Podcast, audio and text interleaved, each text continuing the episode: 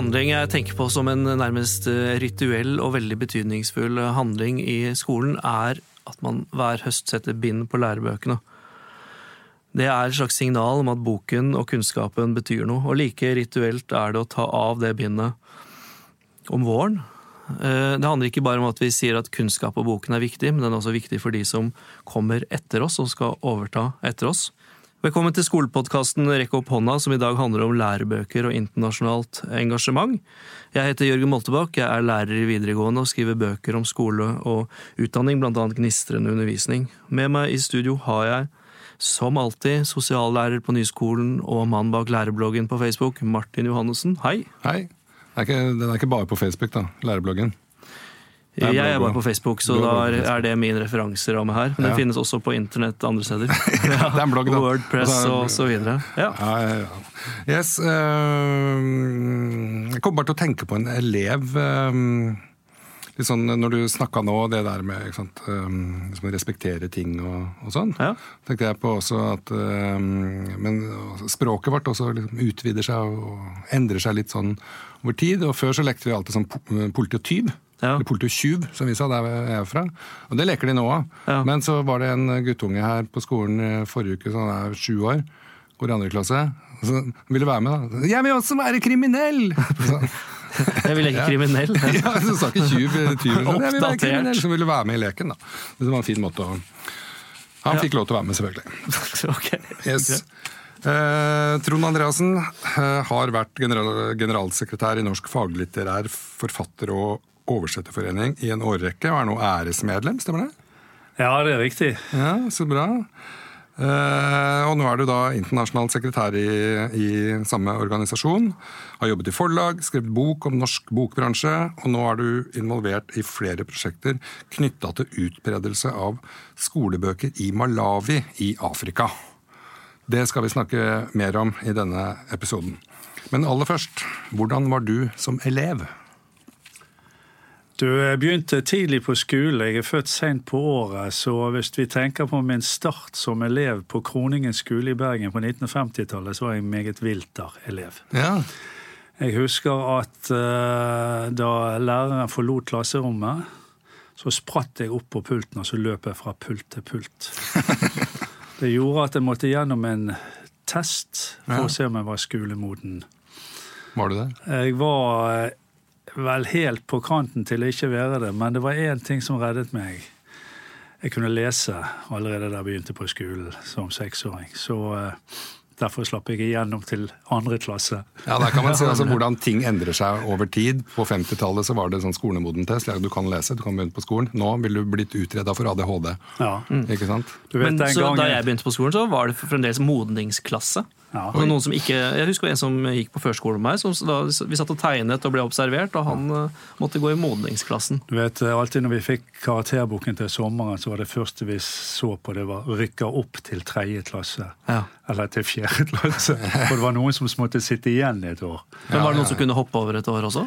Det skjedde ikke på min skole. Det tror jeg var veldig veldig sjeldent i tilfelle. Men det hendte de ble satt igjen. Men det hørte, det var mer sånn rykte, tror jeg, da jeg gikk på skolen, at man dumpa. Ja, dumpa. Ja. Og det, jeg tror ingen i min klasse i hvert fall som, som dumpa. Men kanskje i den andre. Jeg vet Ja. ikke. Men det gjør man ikke lenger. Nei, man gjorde det den gangen, og eh, vi var to som var til en sånn test. Han ene dumpet, og jeg gikk videre. Og det var lesingen som reddet deg. Ja, det var lesingen som reddet med. Vi lurer jo fælt på dette prosjektet i Malawi. Nå har vi jo hatt eh, Andreas Brekke som gjest her tidligere og snakka om eh, kart og hvor viktig det er å plassere ting på kartet. Og Malawi er da et afrikansk land som ligger eh, mellom Tanzania og Mosambik. Litt sånn sørøst i Afrika, så er det ca. 20 millioner innbyggere, har jeg klart å lese meg til.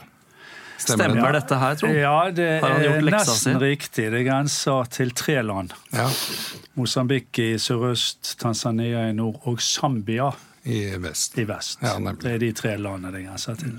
Men det er et relativt så stort land. innbyggertallet tror jeg jeg også sjekket det litt. eh, Det tror jeg er ganske riktig. 1920 millioner. Ja. Og det er en befolkning som vokser kolossalt. Fordi at Tenk på det, altså. Av disse 20 millionene så er 10 millioner under 15 år. ja, det er ganske voldsomt, faktisk. De står foran en dramatisk befolkningsvekst. Ikke bare i det landet, men i store deler av Afrika. Ja. Dette har du valgt å engasjere deg i eh, på heltid? Ja, jeg jobber i 60% men, eh, og dette er ett av mange prosjekter. Men jeg synes dette prosjektet er spesielt. Ja. Og eh, jeg kan vel si at jeg kom inn i arbeidet i Afrika i 1994, altså det blir 25 år siden. Mm. Jobbet i Zimbabwe og eh, med store møter for forfattere og forleggere på bokmessen i Harare. Og et av de første prosjektene det var rett og slett å etablere en forfatterorganisasjon for faglitterære forfattere. Mm.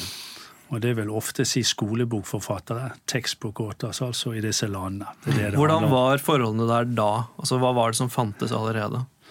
Ja, det fantes Litterært så fantes det en forfatterforening for skjønnlitterære forfattere. Det finner du nesten overalt. Eh, veldig dårlig drevet og ikke særlig funksjonell. Og du finner en del forlag.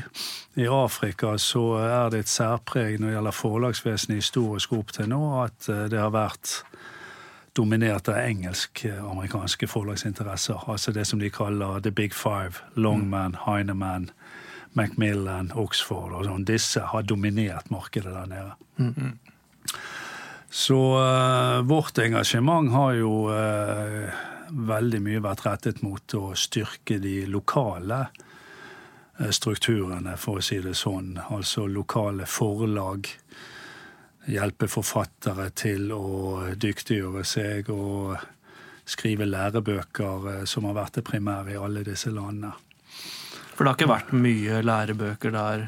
Nei, det er lærebøker det handler om, men veldig lite lærebøker. En stor, stor, stor bokmangel generelt. Og de viktigste bøkene vil jo alltid være i disse landene skolebøker, lærebøker. Mm. Jeg leste en um, artikkel, eh, jeg husker ikke helt hvor den sto, husker du kanskje, Jørgen, som het 'På barrikadene for den afrikanske faglitteraturen'.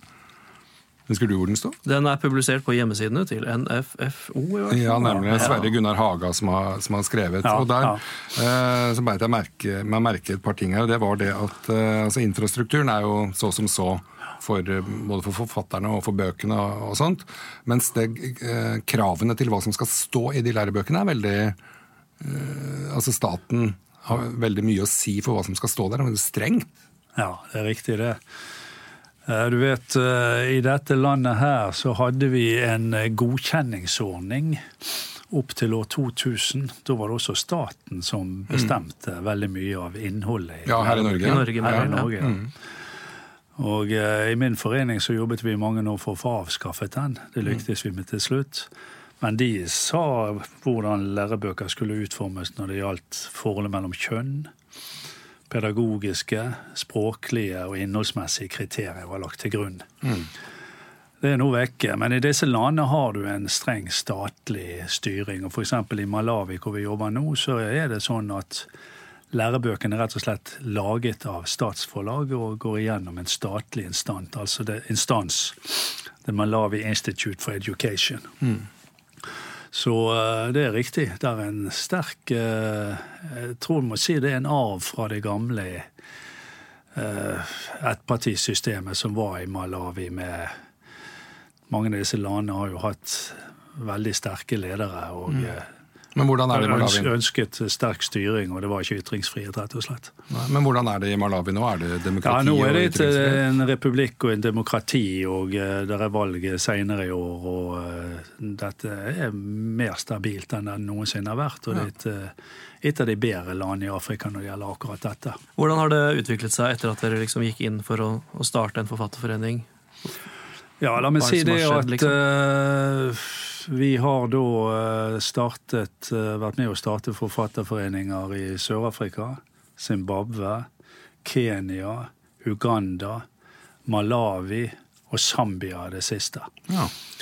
Og denne Forfatterforeningen i Malawi den eh, stiftet vi i 2014. Og vi hadde god hjelp av eh, den norske ambassaden. Altså Norge har en ambassade i Malawi. Det er et av våre hovedsamarbeidsland. Politisk siden 1996. Og eh, de hadde en utmerket eh, ambassadør som het Asbjørn Eidhammer. Som jeg samarbeidet med for å kartlegge mulighetene for å starte en forfatterforening der nede. Og vi samarbeidet også med The Copyright Society of Malawi. En mm. flott organisasjon som forvalter rettigheter for forfattere og musikere osv. Og det var bakgrunnen for dette prosjektet. For uh, det vi gjorde, det var å uh, ta imot et initiativ. Og nå snakker jeg også om en annen organisasjon i Norge som må nevnes her, som dette egentlig springer ut av mer mm. enn min egen forening, nemlig Kopinor. Ja, nemlig. Ja. Og eh, Kopinor hadde et samarbeid med den internasjonale forleggerforeningen som kom til Kopinor og sa de ville gjerne ha et prosjekt der de eh, fikk laget skolebøker i et afrikansk land. Eh, det havarerte av forskjellige grunner, men Kopinor gikk videre alene. Ja. Og vi hadde egentlig tenkt på grunnskolen men der oppdaget vi jo at det var et uh, godkjenningssystem som var statlig styrt, og det var ikke aktuelt for oss. Så vi gikk opp til secondary school. Mm. Hva tilsvarer det? Ja, Det tilsvarer da uh, ungdomsskolen ja. her. Mm. Ja, og uh, så presenterte vi dette prosjektet for forleggere i Malawi, skolefolk i Malawi. Jeg hadde flere samtaler med utdanningsministeren i Malawi om dette veldig interessert. Og eh, da eh, gjorde vi det som var starten på det hele. Vi satte ned en styringsgruppe med representant fra Kopinor, representant fra Forleggerforeningen, fra Den faglitterære foreningen og fra departementet, ja. Utdanningsdepartementet i Malawi, ja, og fra forvaltningsorganisasjonen. Så du har alle gode krefter inn i dette. Og det er veldig viktig å understreke at regjeringen i Malawi er veldig bak dette prosjektet her. Mm. Og eh, da eh, laget vi en skisse til hvordan dette skulle være. Eh, det var selvfølgelig ikke snakk om å dekke hele alle klasser i, i, secondary school. Vi laget et pilotprosjekt.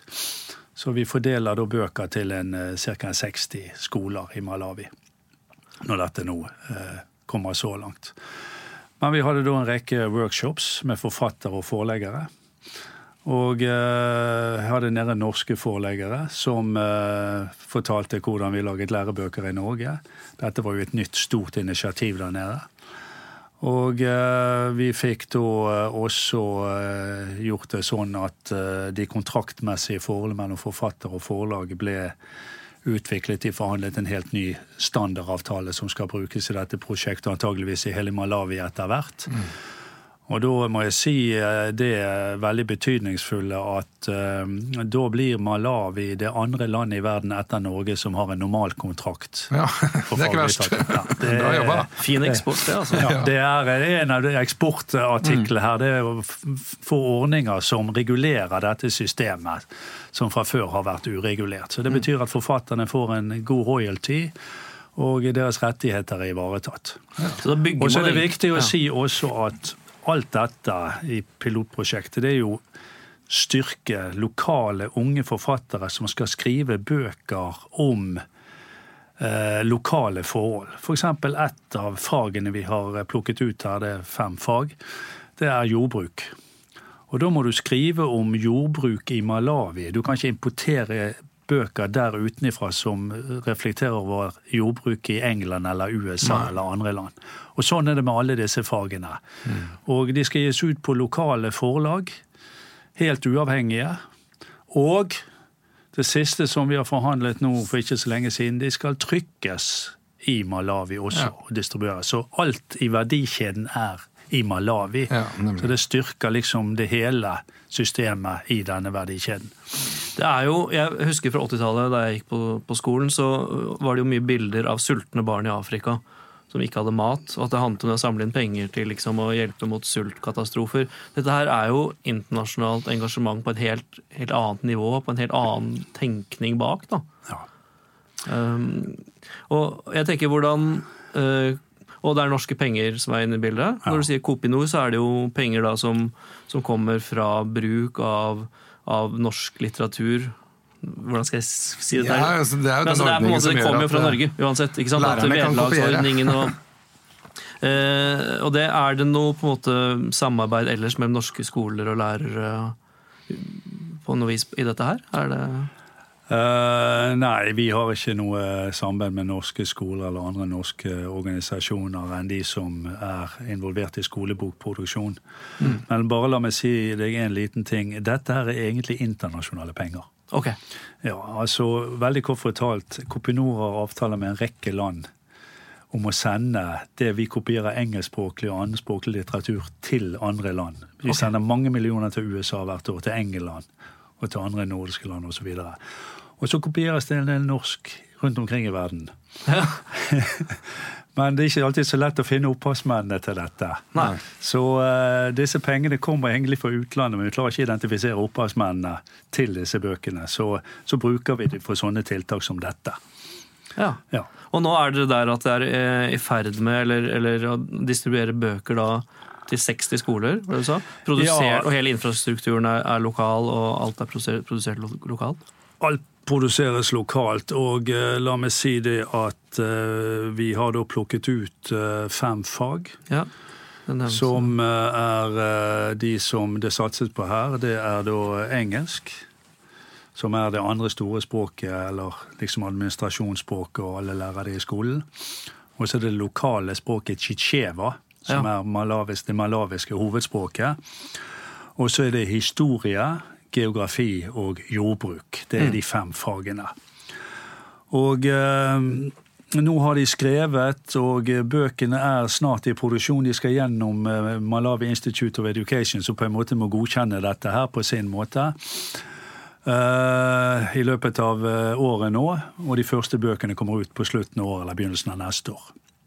Og da snakker vi om 60 skoler et klassesett på 90 i disse fem fagene, som distribueres da ut i landet. Til bibliotekene, så får de bruke de der, de som er utvalgte. Hvor mye betyr prosjektet. det for en uh, lærer i Malawi å få tilgang til et sånt klassesett? Ja, det betyr uh, noe helt fantastisk mye. Jeg har jo lyst til å si at jeg har jo reist rundt i landet og sett på uh, skoler og lærerskoler. Og eh, en typisk klasse i Malawi vil være en 60-70-80 elever. Eh, og de sitter der uten lærebøker, de aller fleste, men det er ofte de har en streng i taket inne i klasserommet. Og der hefter de en lærebok som de sender nedover Ja, til pultene, så de får ta den ned og se litt i den og sånt. Ikke sant? Mens eh, lærerne står på tavle og har gjerne én bok til disposisjon for denne klassen, eller kanskje to. Og vi har jo sett lærere forberede undervisning i Malawi. Eh, Jeg var der en søndag på en skole, og de skulle ha undervisning neste dag. Og da hadde de én lærebok i eh, samfunnskunnskap og en i religion.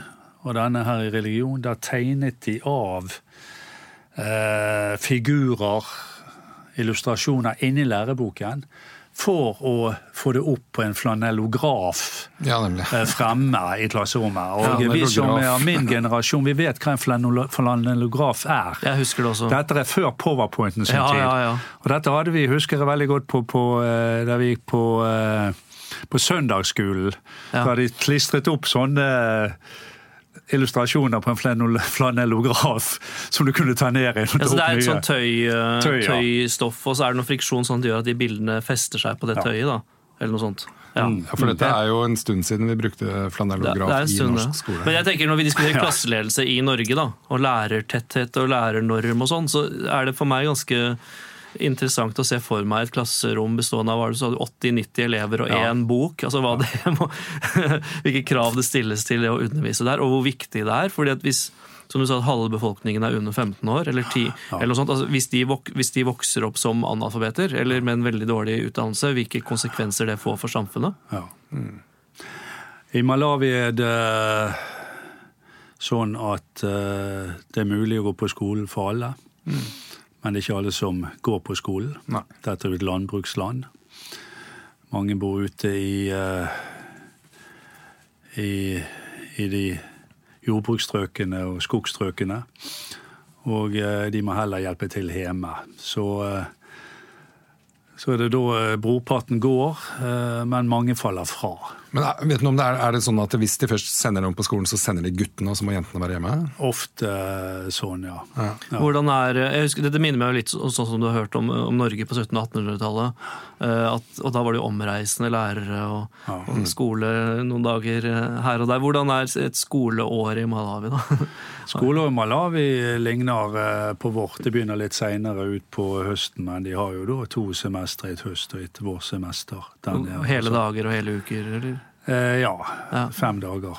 Så eh, det er det de har. Så sånn sett ligner det på Veldig mye av dette er tatt fra Vesten, kan du si. Ja. Så eh, ja. Jeg vet, bare- bare litt sånn Apropos til dere antall elever og lærernorm og sånt. Du trenger ikke å dra lenger enn til Tyskland. Så er det jo sånn at klassen er mye større enn i Norge. Der er det gjerne 40 elever og én lærer. Ja.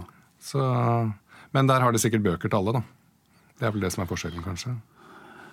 I Tyskland vil jeg tro de har bøker til alle, absolutt. Det har de nok i de fleste europeiske land. Ja. Eh, Men i Afrika eh, Jeg har vært på skoler i Afrika, det finnes nesten ikke bøker i det hele tatt. De har en tavle, det er det som er hovedinstrumentet for undervisning. Og eh, jeg har også opplevd å få gitt bøker til en skole, i hel skole i Zimbabwe. Og når de mottar en sånn gave, én bok hver, så er det altså 17. mai og julaften og nyttårsaften på samme tid for disse. Det er en enorm interesse for bøker. En hanger for buks. Det er, altså, bare se forskjellen til altså, norsk skole, og vi har jo mange bøker ofte. ofte. Kanskje flere klassesett til en klasse, og så kan de velge om de vil ha den ene eller den andre. Det er en enorm forskjell. Men tenk på det her med jenter og skole. og sånt. Ja, jobber dere noe sånt aktivt for å få liksom, alle elevene til å faktisk gå på skolen, eller er det mer det lærebok? Ja, altså Vi jobber ikke med det, men eh, du vet Norge som hovedsamarbeidsland eh, har da for eh, har Malawi som hovedsamarbeidsland har da investert temmelig mange millioner på å eh, særlig å få jenter inn i skole og til utdanning i Malawi. Altså Erna Solberg, vår statsminister, var jo der nede i 2014 og reiste rundt og så på skoler for å oppmuntre til akkurat det som handler om jenter og utdanning. Så det er prioritert som bare juling. Og jeg merket jo meg også at da den eh, nest siste utviklingsministeren vår, Astrup, Ja, trådte til. Første land han besøkte, det var Malawi. For jeg vet jo også at det er eh, hva de kaller seg, Education International, som er sånn uh, lærerforeningsforening, på en måte. Um, de har jo også få jenter i, på skole som også et sånt veldig klart mål. Og Unicef eh, internasjonalt har jo også det samme. Operasjon Dagsverk hadde jo også Malawi-prosjekt da. Jeg tror Ja. kanskje det var der, derfor, eh, i den forbindelse Erna var der, kanskje? Var ikke det 2014? Ja, hvis det var for noen Jo, det var i 2014. Ja, du vet, eh, Det er en prioritert agenda for UNESCO, UNESCO, for FN, rett og slett, som heter Development and Education. Altså De forstår mye mer enn før det er prioritert å satse på utdanning i disse landene. Istedenfor uh, eller i hvert fall ved siden av sånne næringspolitiske prosjekter som har vært mange av i norsk utviklingspolitikk opp gjennom årene. Har du inntrykk av at vi, eller Syns du at, vi, at det er nok måte, internasjonalt perspektiv og engasjement blant norske lærere og elever? Jeg vet ikke så mye om det. Jeg, jeg er riktignok utdannet lektor, men jeg har jo ikke vært i skolen på Det betyr at de ringer ikke deg regelmessig for å høre? Norske lærere? Men eh, et uttrykk for det er jo eh, når lærebokutvalget i NFS, som består av lærere og skolebokforfattere, inviterer undertegnede til å orientere om dette, så er jo det uttrykk for en interesse. Og den interessen den eh, tror jeg er der latent, men den må vekkes. Man må snakke om det. Dette er et stort solidaritetsprosjekt. Ja. Ikke sant? Og vi har eh, Når vi sammenligner med disse landene her, så har vi jo altfor mange bøker, og vi er boktrøtte. Nå tenker jeg mer sånn generelt. Ja. Og vårt problem er skal man lese iPad eller iPhone eller bøker, eh, tekster på disse nye. Der nede er boknøden kolossal, og du kan gjøre veldig mye med små ressurser. Og egentlig burde det vært satset mye mer på akkurat dette her i utviklingshjelpen. Jeg tenker på også, er, eh, det er, Vi har jo FNs bærekraftsmål, Ja. som jo er verdens arbeidsplan for en bedre verden innen 2030. og det er Punkt nummer fire der er jo god og rettferdig utdanning til Ja. Alle. Så da er det på en måte, det er det dere holder på med? Det er det vi holder på med. Det er helt riktig. Det er et uh, bærekraftsmål som de er veldig observant på i disse landene her. Ja. Ja, så um, det er det vi gjør, og uh, vi er jo veldig spent nå når de første bøkene kommer. Og, Uh, og det må jeg også si at offentligheten der nede er veldig eh, opptatt av dette. Hver gang vi er der og det er seminarer og vi, når vi lanserte det, så kommer alle media. Og dette er godt stoff i Dagsrevyen i Malawi. Ja. Og eh, det er støttet av ministre eh, og departement på høyt nivå. Ja. Jeg tror vi har så godt å, å bli gjort oppmerksom Eller sånn, få det perspektivet inn. Da. Jeg tenker Den lille åpningsfortellingen som jeg begynte med, med den ærefrykten med å sette bind på bøkene, den er egentlig for min del ganske fra gamle dager. Jeg har liksom ikke den vold... Inntrykk av at den voldsomme respekten for bøkene er der uh, i vår tid. ikke sant? Vi måtte, vi måtte ha bind på bøkene. Vi må noe- gjøre det, men det er liksom åh, Må vi gjøre det? Nei, men det- våre Ja. elever må ikke det. Nei. Altså På den skolen jeg er på Nyskolen, der har det aldri vært noe krav om å ha bind på bøkene der. Nei. Men altså, det er jo, vi, vi lever jo i en helt annen tid, og det er en overflod av alt. Det er iPader og, og Mac-er, og det er bøker i hytt og pine. Vi er ganske bortskjemte, rett og slett. Ja. Ja, Eller- og, ja selvfølgelig. Vi er, vi er ikke bare bortskjemte, vi er privilegerte, men vi tenker kanskje ikke på oss selv som privilegerte. Men det er jo bare å ta en tur til et land som er en del fattigere enn oss og har andre problemer enn oss, så merker vi at vi er privilegerte. Ja. Jeg har en, en venninne som jobber, eh, har jobbet i flere afrikanske land på ambassaden da, Ja. um, som diplomat, og, og annet i, um, i Rwanda. Eh, Og der jobba jeg før det liksom ble skikkelig skikkelig ille. Men jeg hadde en kollega der, og så hadde de to dratt ut på et marked. Og så hadde han begynt å prute på et eller annet ting de skulle kjøpe. da, Som kosta ingenting. Så han fikk, I stedet for 50 øre, så fikk han det til 45 øre, liksom. og så sa han nå fikk du denne tingen fem øre billigere for han, og du tjener en milliard ganger mer enn han. Hvordan føles det? Ja, bare det, sette, det? Men det er viktig perspektiv, det med å være privilegert. Eller er bortskjemt. Eller ha for mye av noe. Ja. For en ting jeg også husker da, altså vi hadde ofte, Det var sånne vennskapsskoler, eller at du hadde samlet inn penger til noen. At det var sånn, Jeg husker fra min egen skole jo, et internasjonalt engasjement der. Som jeg tenker at vi kunne hatt mye mer av. Altså Vi har jo fine ting. Vi har eh, Operasjon Dagsverk, og vi har en del sånne eh, Innsamlingsaksjoner. Til innsamlingsaksjoner og sånn, men det faktisk å få inn den bevisstheten om at vi lever eh, på en jordklode der vi er ekstremt privilegerte, og vi, det som betyr lite for oss, kan bety veldig mye for noen andre. Ja. Det tenker jeg er ganske viktig.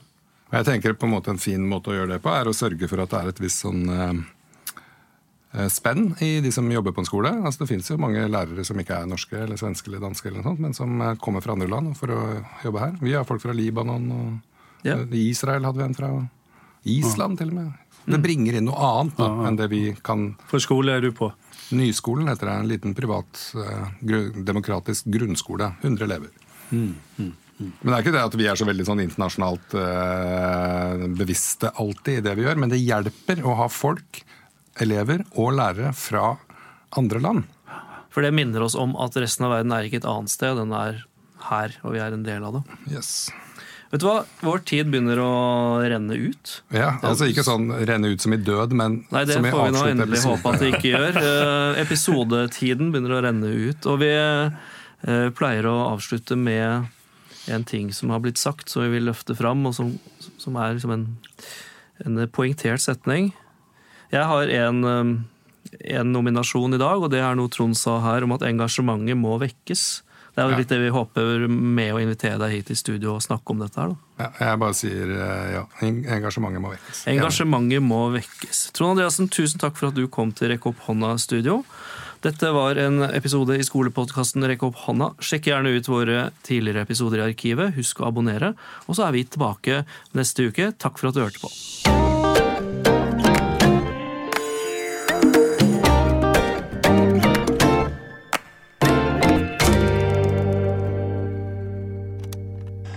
budu seča?